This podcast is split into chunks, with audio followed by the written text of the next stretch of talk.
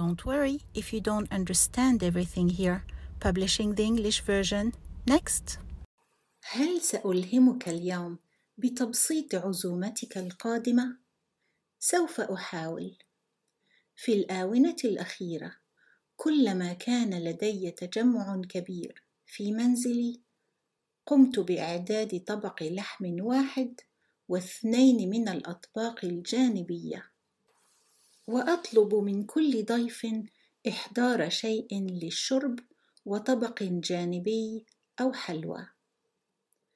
قد تتردد في دعوة جميع أصدقائك معا، ولكن هذا النظام يجعل ذلك ممكنا.